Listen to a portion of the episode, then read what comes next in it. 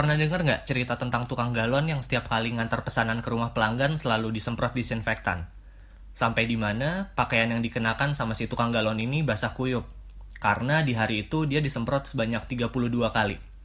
Dan di akhir pesan yang dia tuliskan isinya seperti ini. Kalau setiap hari kayak gini terus, bukan virusnya yang mati, tapi saya yang mati. Hal serupa juga pernah gue alamin sekali. Nggak cuman pakaian aja yang basah, tapi beberapa bagian tubuh seperti kepala, muka, dan tangan juga basah. Padahal, dari jauh-jauh hari sebelum ada gerbang disinfektan di area tempat tinggal gua, WHO Indonesia udah ngasih peringatan ke publik untuk tidak menyemprotkan disinfektan langsung ke tubuh karena hal tersebut bisa membahayakan kesehatan. Menyemprotkan disinfektan pada tubuh seseorang tidak akan membunuh virus yang sudah masuk ke dalam tubuh. Ya, namanya juga proyek pengadaan gitu. Mau itu bermanfaat atau enggak, yang penting bisa diadain aja dulu. Thank you, gue Zakir Wandi.